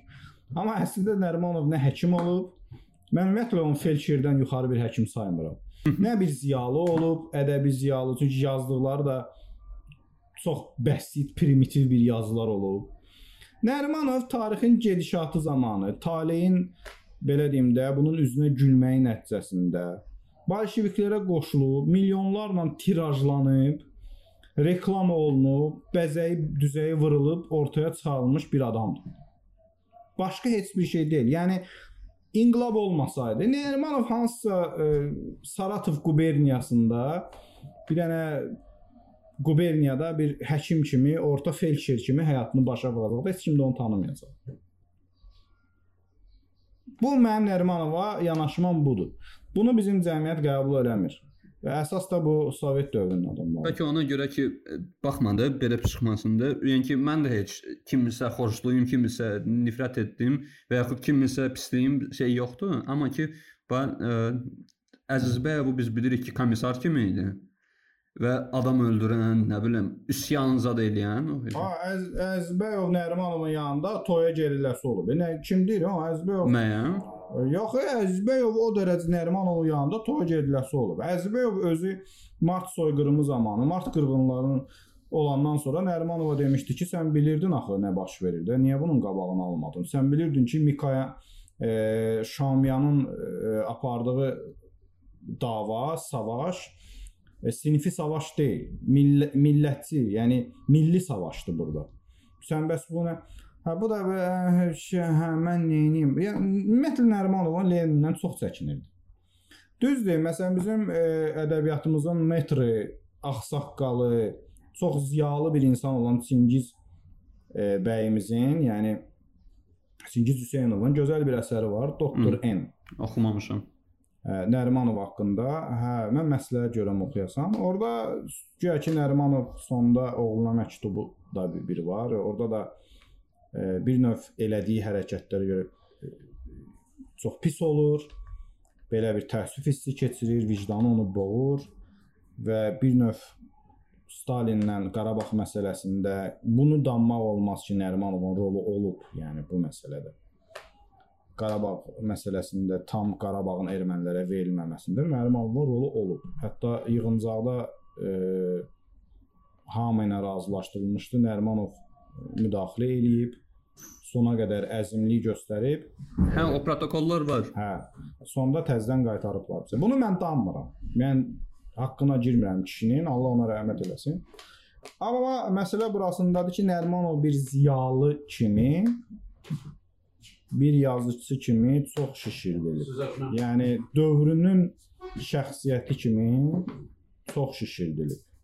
Məsələn, Nərimanovun e, biz biraz mövzuna uzaqlaşacağıq. Mən mən sənə deyim də bunu. Nərimanovun bir dənə məşhur bir əsəri var, e, bizim kəndin əhvalatı. Bir kəndin əhvalatı. Hə, adam Hacı Zeynalabdin Tağıyevdən acığın çıxır da, o məşhur müəllimlər qurultayında olan məsələyə görə, hardakı Zərdabi də olmuşdu. Hə, yəni adam neçə il keçib, 20-30 il keçib, nə 10 ildən çox keçib. O məsələdən sonra e, Tağıyevdən acığını çıxır o hekayədə. Yəni düzdür, insanın şəxsiyyəti onun siyasi düşüncələri ilə, e, siyasi fikirləri ilə, siyasi yanaşmaları ilə üst-üstə gəlməli deyil. Yaxşı şəxsiyyət e, bir pis siyasətçi ola bilər. Pis siyasətçi də gözəl şəxsiyyət ola bilər. Yəni bu fərqli tutulmalıdır. Amma kişidən söhbət açıldı, mən ümumiyyətlə deyirəm ki, ümumiyyətlə Nərimanovun indiki orada heykəli Bakıda sökülməlidir. Yəni bunu bilmək istəyirsiniz. O heykəlin vaxtı çatıb özü çoxdan. Heykəl sökülməlidir. Məsələn, Mirzə Cəlilə bir dənə heykəl qoymayıblar. Elə bir e, belə o səviyyəli bir heykəl, amma Nərimanova qoyublar. Hərçənd ki Mirzə Cəlilin elədikləri Nərimanovun elədiklərinin yanında çox kiçik idi. E, yəni əstəğfurullah çox böyük idi. Yəni Nərimanovun elədikləri Mirzə Cəlilin elədiklərinin yanında çox kiçik idi. Yenə də deyirəm, Nərimanov dövrünün e, şanslı bir insanlarından biridir. Yəni sırf bolşeviklərin, hə bir də həm də hakimiyyətə şeydir, ha, meylli idi. Yəni həvəsində idi. Çünki bunu ona e, Rəsulzadə də e, ixtilal xatirələrindəki yazır görüşünü, deyir mən sənə deyirəm ki, sən bildiyin kimi deyil də vəziyyət. Yəni bunu Nərimanova bildirir. Nərimanov biraz eyfariyaya qapılmışdı.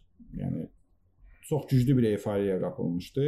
Ümumiyyətlə Nərimanovdan sonra Azərbaycanda ikinci belə reklam olunan, mərhəmət qazanan özünə e, Mirzəfər Bağırov. Mirzəfər Bağırovun mərhəmətə niyə uyğun olduğunu bilirəm. Çünki Mirzəfər Bağırovun qohum əqrəbası indiyə qədər e, hakimiyyətdədir. Hətta keçmiş bizim eks kənd təsərrüfat nazirimiz də onun nəvəsi idi. Amma Mirzəfər Bağırov, yəni bu Cavid ömrü filminə mən baxdım bu yaxınlıqda. Yenidən baxdım. Orada Mirzəfər Bağırovun biraz belə mərhəmətli də, düzdür belə e, qaniçən, həm də mərhəmətli də. Bu sırf bizim millətə xas olan bir xüsusiyyətdə malalamaq hər şeydir. Güya ki Mirzəfər belə heyfslənə heyfslənə, kədərlənə kədərlənə qol çəkir də o şairlərimizin tutulmağına. Amma bu hamısı yalandır. İnanmıram.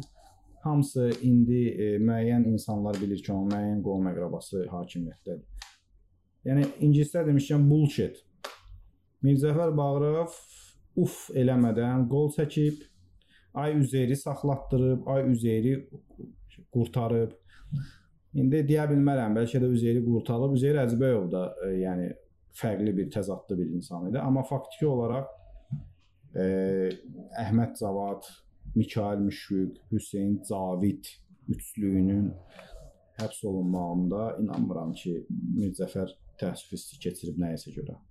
Hətta mən sənə deyim ki, belə e, qabaritli, belə e, necə deyim, böyük bir o dövrün böyük bir şəxsiyyətlərinin tutulması üçün birbaşa əli olduğu üçün bəlkə də biraz güzgü qabağında durub fərəxlənib ki, canımız qurban olduğumuz atamız e, Stalin bizi dəyərləndirəcək və yoldaş Stalin bizi qiymətləndirəcək çünki biz anti-bolşevik ünsürlərə qarşı mübarizəmizi şiddətlə davam edirik.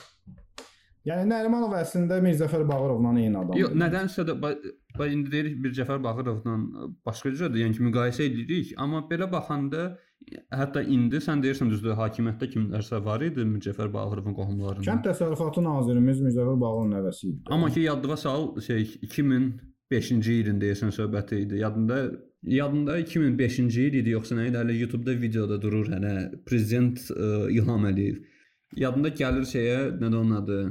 Akadem Milli Akadem Elmlər Akademiyasının şeyə yeni ensiklopediyanın çapını yadında orada nevlərini qışqırır. Hə, hə, hə, bəli, bəli. söhbətinə görə. Hə, bəli. E, ona görə belə baxanda, yəni ki, Nərimanovun adını mən özüm indi Nəriman Nərimanov metrosunun yanında Nərimanov ə, rayonunda yaşayıram.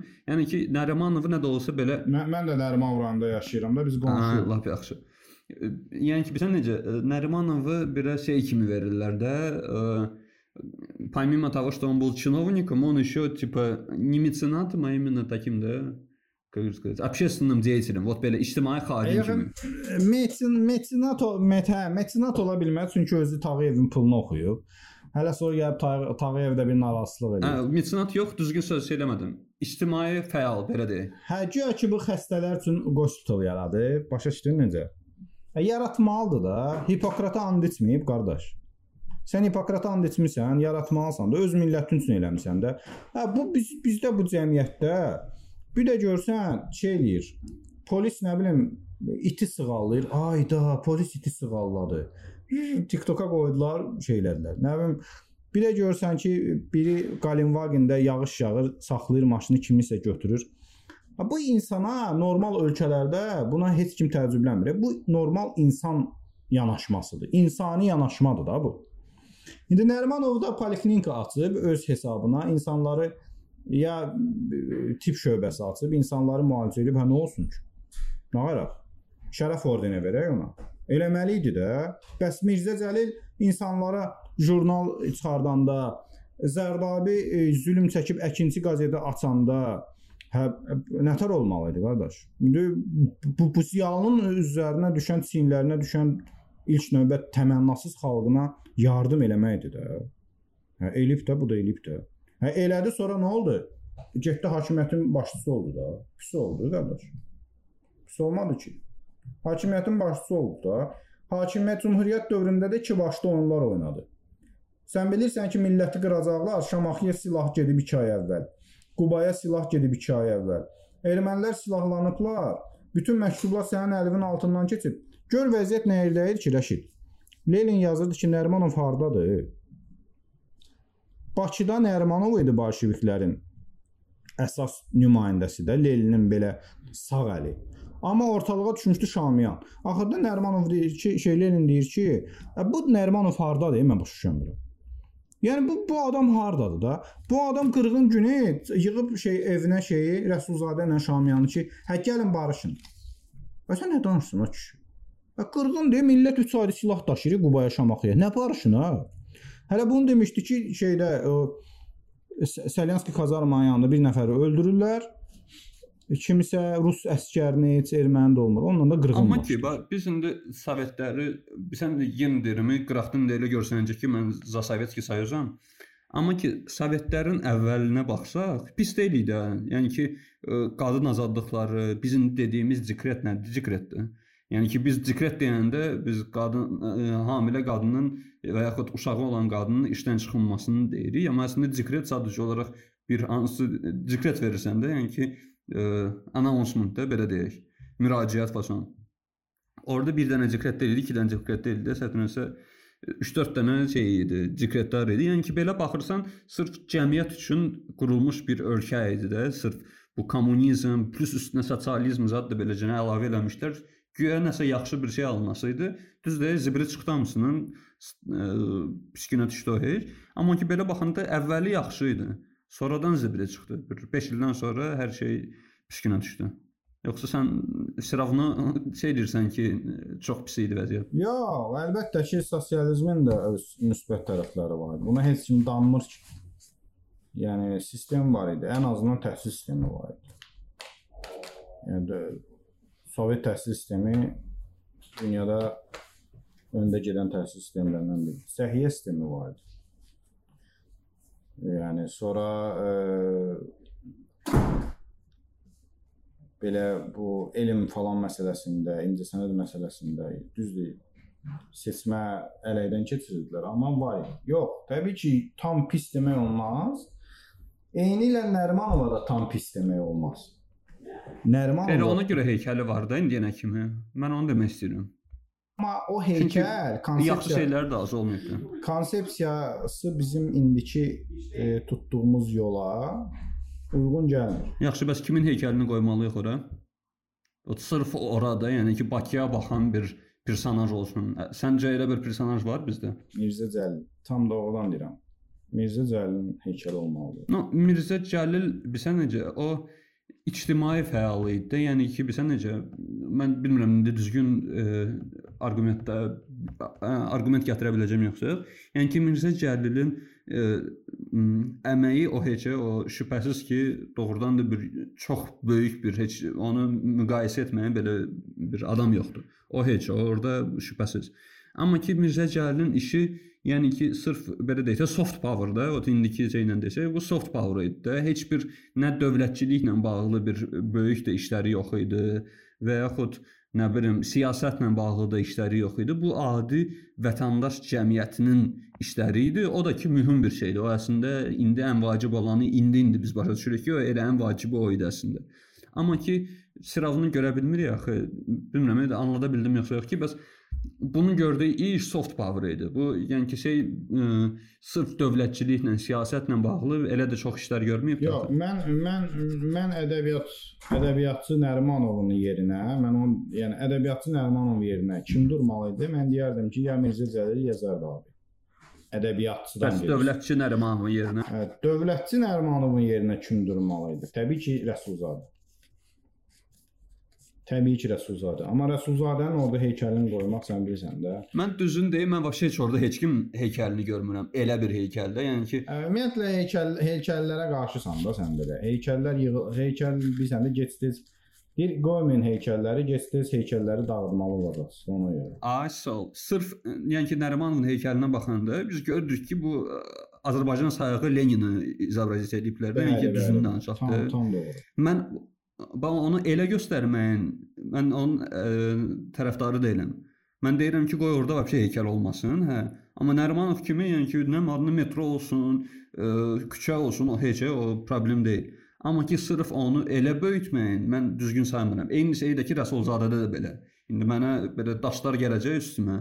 Amma yenə şey Zagnaviat nə var? No, təm yemini Rəsulzadədə də eyni şeyi düşünürəm ki, не стоит это э, слишком так преувеличивать.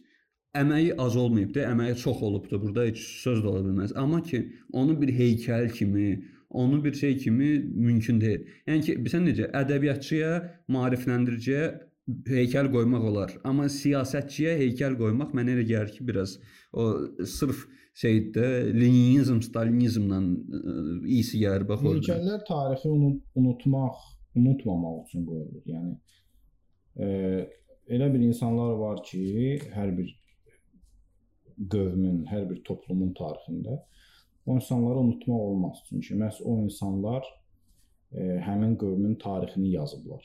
Da belə deyək. Yəni və onları yalnız adlarını metro stationlara və yaxud da futbol meydançalarına, kitablara salmaqla deyil. Onların heykəlləri göz qabağında olmalıdır ki, bu insanlar bu qövm üçün olublar və bir e, tarixi unutmamaq üçün, yəni uşaqlarla, çocuqlarla gəzəndə onların xatırlatmaq, demək, maraqlanmaq. Yox, onunla razıyam. Onunla razıyam. Mən bilsən nə heykəlini, mən sırf Nərimanov heykəlini deyirəm.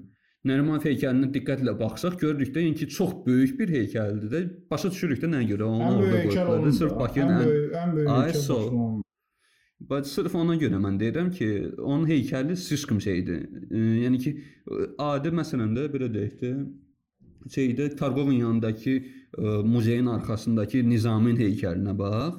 Yəni ki, çox qəşəng, elegant və ə, əraziyə də uyğun qəşəng heykəl ola-ola. Bir də var ki, Nərimanovun heykəli, onu başını qaldırıb baxa da bilmirsən, çünki çox böyükdür. Adamın başı boynu ağrıyır ona hamısına hər yerinə baxana Nərimanovun heykəlinin yerində qəşəng bir dənə Navastroka tikmək olar. Rezidensiya. Tam özdə dənizə baxır. Qiymətləri də yaxşı olacaq. Yəni mən belə burdan danışıram da hökumət nümayəndələri qulaq assa, yollara və idea verirəm də xaricilər demiş. Zarafatsız deyirəm, tam doğru. Nərimanovun heykəlinə Azərbaycanda ehtiyac yoxdur. Yəni Nərimanovu heç kim qaralamaq istəmir, amma mən həqiqətən də o ilə Əzizbəyovun arasında nə fərq var, mən onu bilmirəm yəni. Bəli, bu pis yaxşı tərəfləri ilə bizim tariximizdir. Biz bunu öz üzərimizdən ata bilmərik, dana da bilmərik. Amma onu ideallaşdırmağın, belə bir ona heykəl qoymağın. Düzdür, heykələ baxan da yoxdur. Nə yuyurlar, nə təmizləyirlər. Bir baxırsan ki, quşlar falan üstünü şey elib üstünə qoyublar. Kişi adam baxsan kişi özü də utanır hə, mə- mənə aşırdın canım qutarsın. Mənim canım sizdən qutar, sizin canınız məndən qutar. Amma ki, yəni o dərəcədə e, sadəcə mən yenə də deyirəm də, niyə onun heykəlini sökmürlər? Ona görə ki, Nərimanov məsələsində hələ təzadlar var. Yəni cəmaət tam ə, o qədər adamı bu Nərimanovu o qədər Sovet dövründə bunlar reklam elədilər. O qədər bunu eləmədiyi şeylər üstünə qoydular, beyinlərə yeritdilər ki, indi qorxurlar sökmək ki, birdən cəmaət durub deyər ki, ay Nərimanovu niyə sökürsüz, ağadan alım. Daha fikirləşmir cəmaətin heç vezinə deyil. O Nərimanov sökəcəklər oradan ya sökməyəcəklər. Yəni məncə yenə də deyirəm, orada qəşəng bir dənə Navastroga tikmək olar. Dənizə bax. Hətta Flame Towers'un bir dənə analoqu. Ay hey, dənizə Nərimanov Residence, bax belə bir. Mən hətta adını da bilmirəm. Yaxşı, bəs onda onda bəs Rəsulzadəni niyə ideallaşdırırıq? Yəni ki, belə də hesab elə ki, debatlardır da, mən də sənin oponentiyəm. Biz indi deyirik ki, Nərimanov olmasın, Rəsulzadə məsələn olsun da. Bəs biz Rəsulzadəni də axı biraz aşırı ideallaşdırırıq. Valla mən Rəsulzadə, mən şəxsən mən Rəsulzadəni ideallaşdırmıram. Sən, sən ideallaşdırmırsan. O sən fikir vermirsən də ki, bəs bizdə ideallaşdırırlar. Mən ideallaşdırmıram. Mən deyirəm ki, müəyyən, hə, bilmirlər də ona görə. Müəyyən məqamlarda Rəsulzadə çox yumşaqlıq edib, yəni daha sərt olmalıdır. Bilmirəm, bəlkə hökumət falan o bu, amma müəyyən məqamlarda sərt olmalı idi, yəni sərtləşmək. Amma o sərtləşmək ona hər hansı bir töhfə verəcəkdi, verməyəcəkdi, o başqa məsələ, o başqa mövzu. O başqa mövzu. Amma bir insan kimi, bir şəxsiyyət kimi təbii ki, o e, amma komandası da var idi onun. Fətəli Xanxoyski var idi, Həsən bəy Ağayev var idi. Ə, təbii ki, Nəsib bəy Yusufbəyli var idi, Topçubaşı var idi. Onun bir gözəl bir komandası da var idi ki, onlar bütün komanda olaraq öz ideyalarına vurğun adamlar idi. Amma bu komandanı yığan da Rəsulzadə idi. Komandanı yığan da Rəsulzadə idi və yaddan çıxarmayaq ki, Rəsulzadə pulların içində ali təhsili, savadı olmayan yeganə adamdır. Çünki kasıb fəhlə ailəsində idi. Daha doğrusu Ay sonra əsr Raboç ailəsi idi. Dindar, mömin ailəsi, atası Axund idi Novxanda. Digərləri isə burjuaziya, orta yerli burjuaziyanın övladları idi. Yəni təhsil almışlar. Bu təhsil almamışdı. Və buna baxmayaraq bu komandanı yığmışdı. Əvvəl özü sosial demokratlardaydı, sonra çıxmışdı, firqəsini yaratmışdı, birləşmişdi. Nəsibə Yusufbəliyin firqəsi ilə bir yerdə və ə, yəni bu belə deyək də komanda yığmağı bacarmışdı. Bu təkcə siyasətçi deyildi. Gözəl də bir menecer idi, idarə edici idi. Amma ə, ideallaşdırırsan deyəndə ki, bilirsən, Sən yox, ümumiyyətcə bizdə bir sən necə yəni də, yox mən mən sən deyim də onun niyə görə də. Ə, bilirsən insanlar həmişə özlərinə bir ideal axtarışında olur. Bu insan xüsusiyyətidir. İnsanın təbiəti belədir. E, peyğəmbərlər olmayanda bütlər düzəldirdilər. E, sonra peyğəmbərlər çıxıb düşdülər peyğəmbərlərin dalınca. E, ya bir müğənnidən özünü müğənnini ideal seçirlər, ya bir e, kino aktyorunu özünü ideal seçirlər. E, ya da bir siyasət adamını, e, cəmiyyətdə tanınan bir adamı. Əslində Rəsulzadəni e, Cümhuriyyət e, belə deyim də biraz çox ilişib qalmışıq orada. Gedirik, gedirik, gedirik, gəlirik, dönürük, Cümhuriyyət dönəmi, Cümhuriyyət dönəmi, Cümhuriyyət dövrü, Cümhuriyyət çox ilişib qalmışıq. Faktiki olaraq dövlət kimi də dövlət olmadılar yollar heç əslində. Yəni bir dövlətin ki milli valutası olmadı. 3 dənə valyuta var idi. Bir kerinkalar var idi. Köhnə Romanovlardan qalma rubullar var idi. Bir də Azərbaycan manatları var idi. Yəni o üçü də istifadə edir. Yəni konkret biz heç manat məsələsinə keçənmədik, əlifba məsələsini həll edə bilmədik. Torpaq məsələsini həll edə bilmədik. Vaxt çatmadı, eləmə. Yazılan min dənə problem var. Nəyəsin? Oranı çox ideallaşdırır. O Rəsulzadənin ideallaşması da oradan gəlir. İndiki hakimiyyətə, indiki siyasi hakimiyyətə e, müxalif insanlar oponent seçiblər qarşılaşdırmağa, fərq göstərməyə. Yəni, o da hansı olacaq oponent? Azərbaycan yaranandan 3 nəfər idarə edib adam Azərbaycanı. Elçibəy qısa bir Elçibəy dövrü olub. Sonra da hey, Əliyev dövrü gəlib. O, ata indi oğul. Yəni da kimdən götürüb şey eləsin, müqayisə eləsinlər. Bir dənə qalır o 23 aylıq dönəm.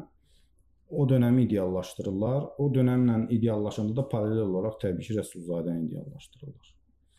Mən də həm də Rəsulzadəni niyə bu qədər ideallaşdırırlar? Çünki bu cümhuriyyət qurucularının içindən ən çox əziyyət çəkən, ən çox izlənilən, ən çox e, e, belə deyim də e, necə deyim sən, ən, ən çox zülm verilən Rəsulzadə olub. Hə, ən ən çox onu hə, hə, ən çox onu izlədilər də onlar. Niyə görə? Çünki Stalinlə düşmənçilik oldu aralarında. Yəni o Rəsulzadən bir növ Rəsulzadə oldu muçinik. Ruslar deyirlər ona.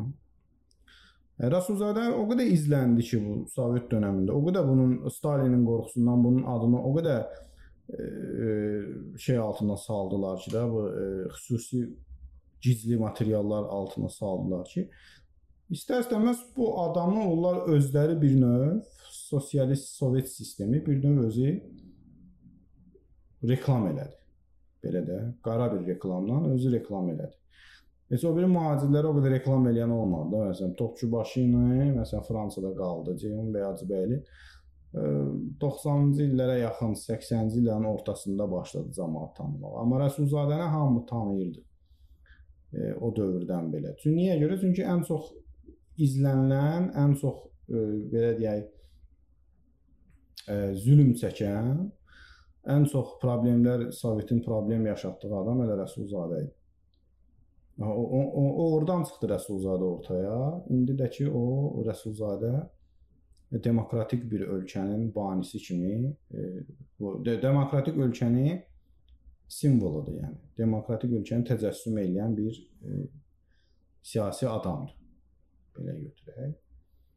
Həm də ki e, bizim biraz bu müstəqillik dönəmindən sonra öz köklərimizə qayıtmağımız, yəni pantürkizm əhval-ruhiyyəsi təbii ki, birbaşa yenə Rəsulzadənin. Prosta ki, mən mənə Rəsulzadə barəsində xoşuma gəlməyən şey odur ki, Rəsulzadəni instrumenta çevirdilər. Nə həm hakimiyyət, həm də ki müxalifət indiki zamanından deyirəm. Biriləri onu şey sayır, nədən adı, bir ideal kimi sayır məsələn də müxalifəti götürək. O birisilər də deyirlər ki, o birisilər də heç nə demirlər əslində. O birisilər də mən belə başa düşürəm ki, şeydən qorxurlar, ideyalardan qorxurlar. Pantürkizmdən, daha pantürkizmdən yox, sırf panislamizmdən qorxurlar. Mən belə başa düşürəm. Mən elə gəlir, mən bilmirəm heç o. Danışmamışam onlardan bilmirəm.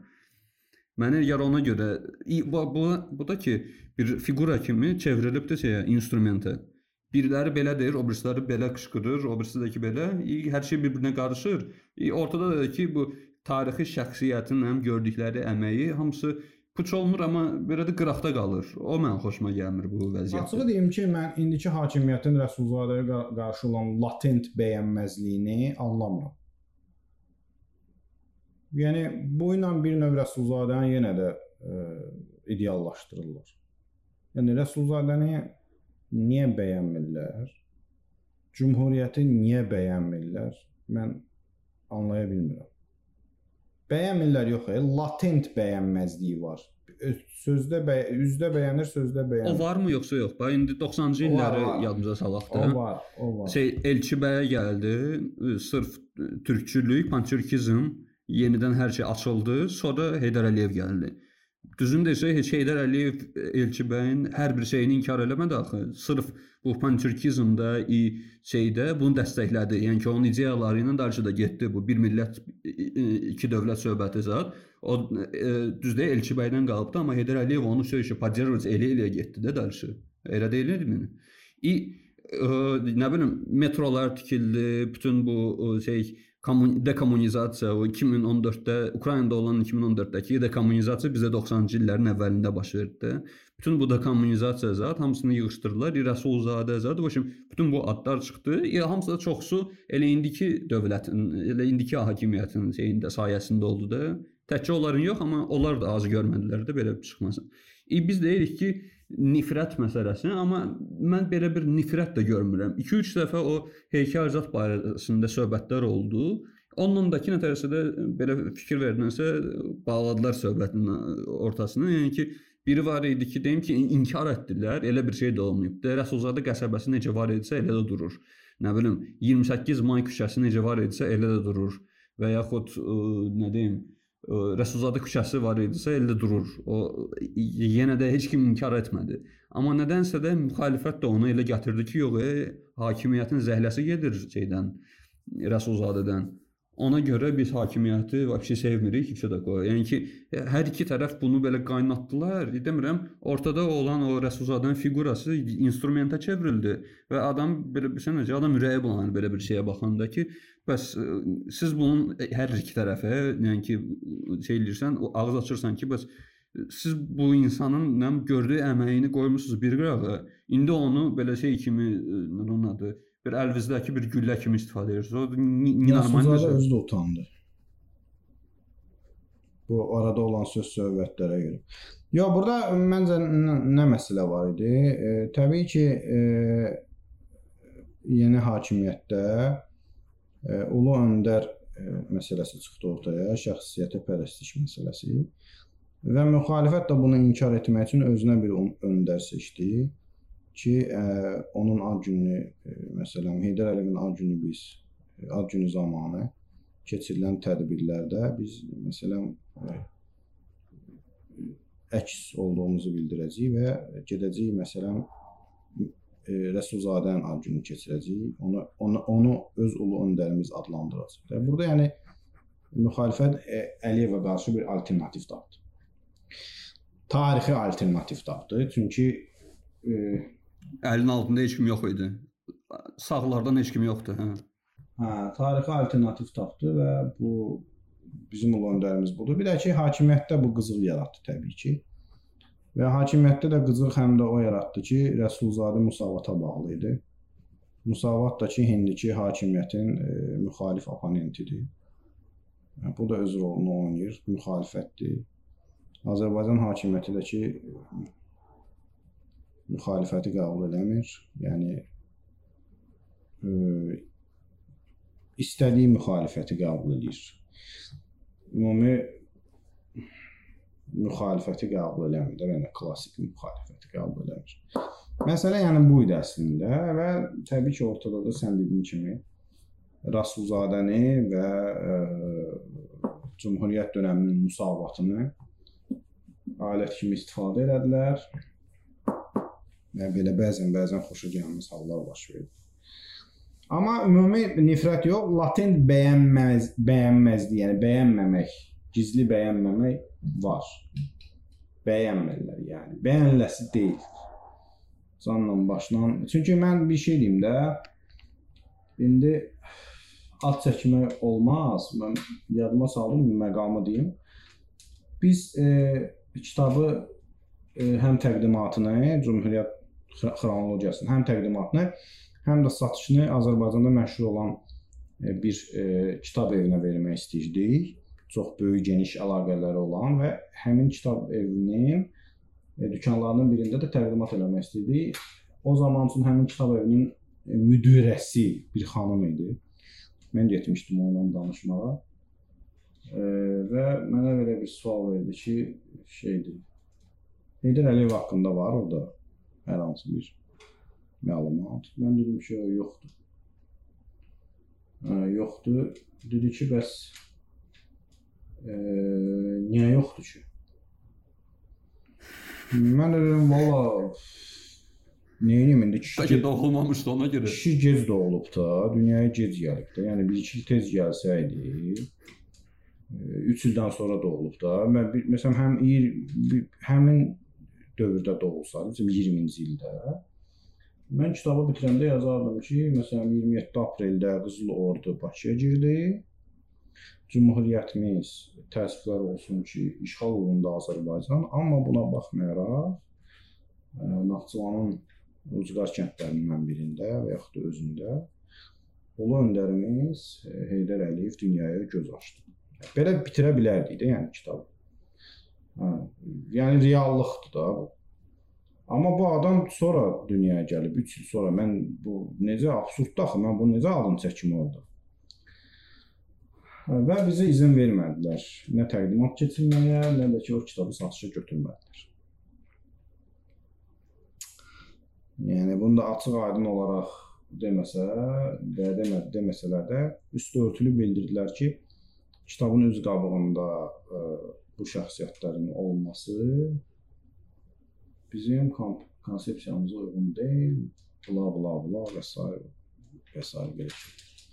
Təbii ki, mən heç kimdən e, incimirəm, haqqım da yoxdur. Hər bir insanları qınamaq fikrindən də uzağam. E, o xanımı da qına, o xanımı da qınamıram. Yəni onun şəxsi işidir. Amma e, yəni sonda biz insanıq hamımız və bizim yəni öz fikirlərimiz var, öz düşüncələrimiz var.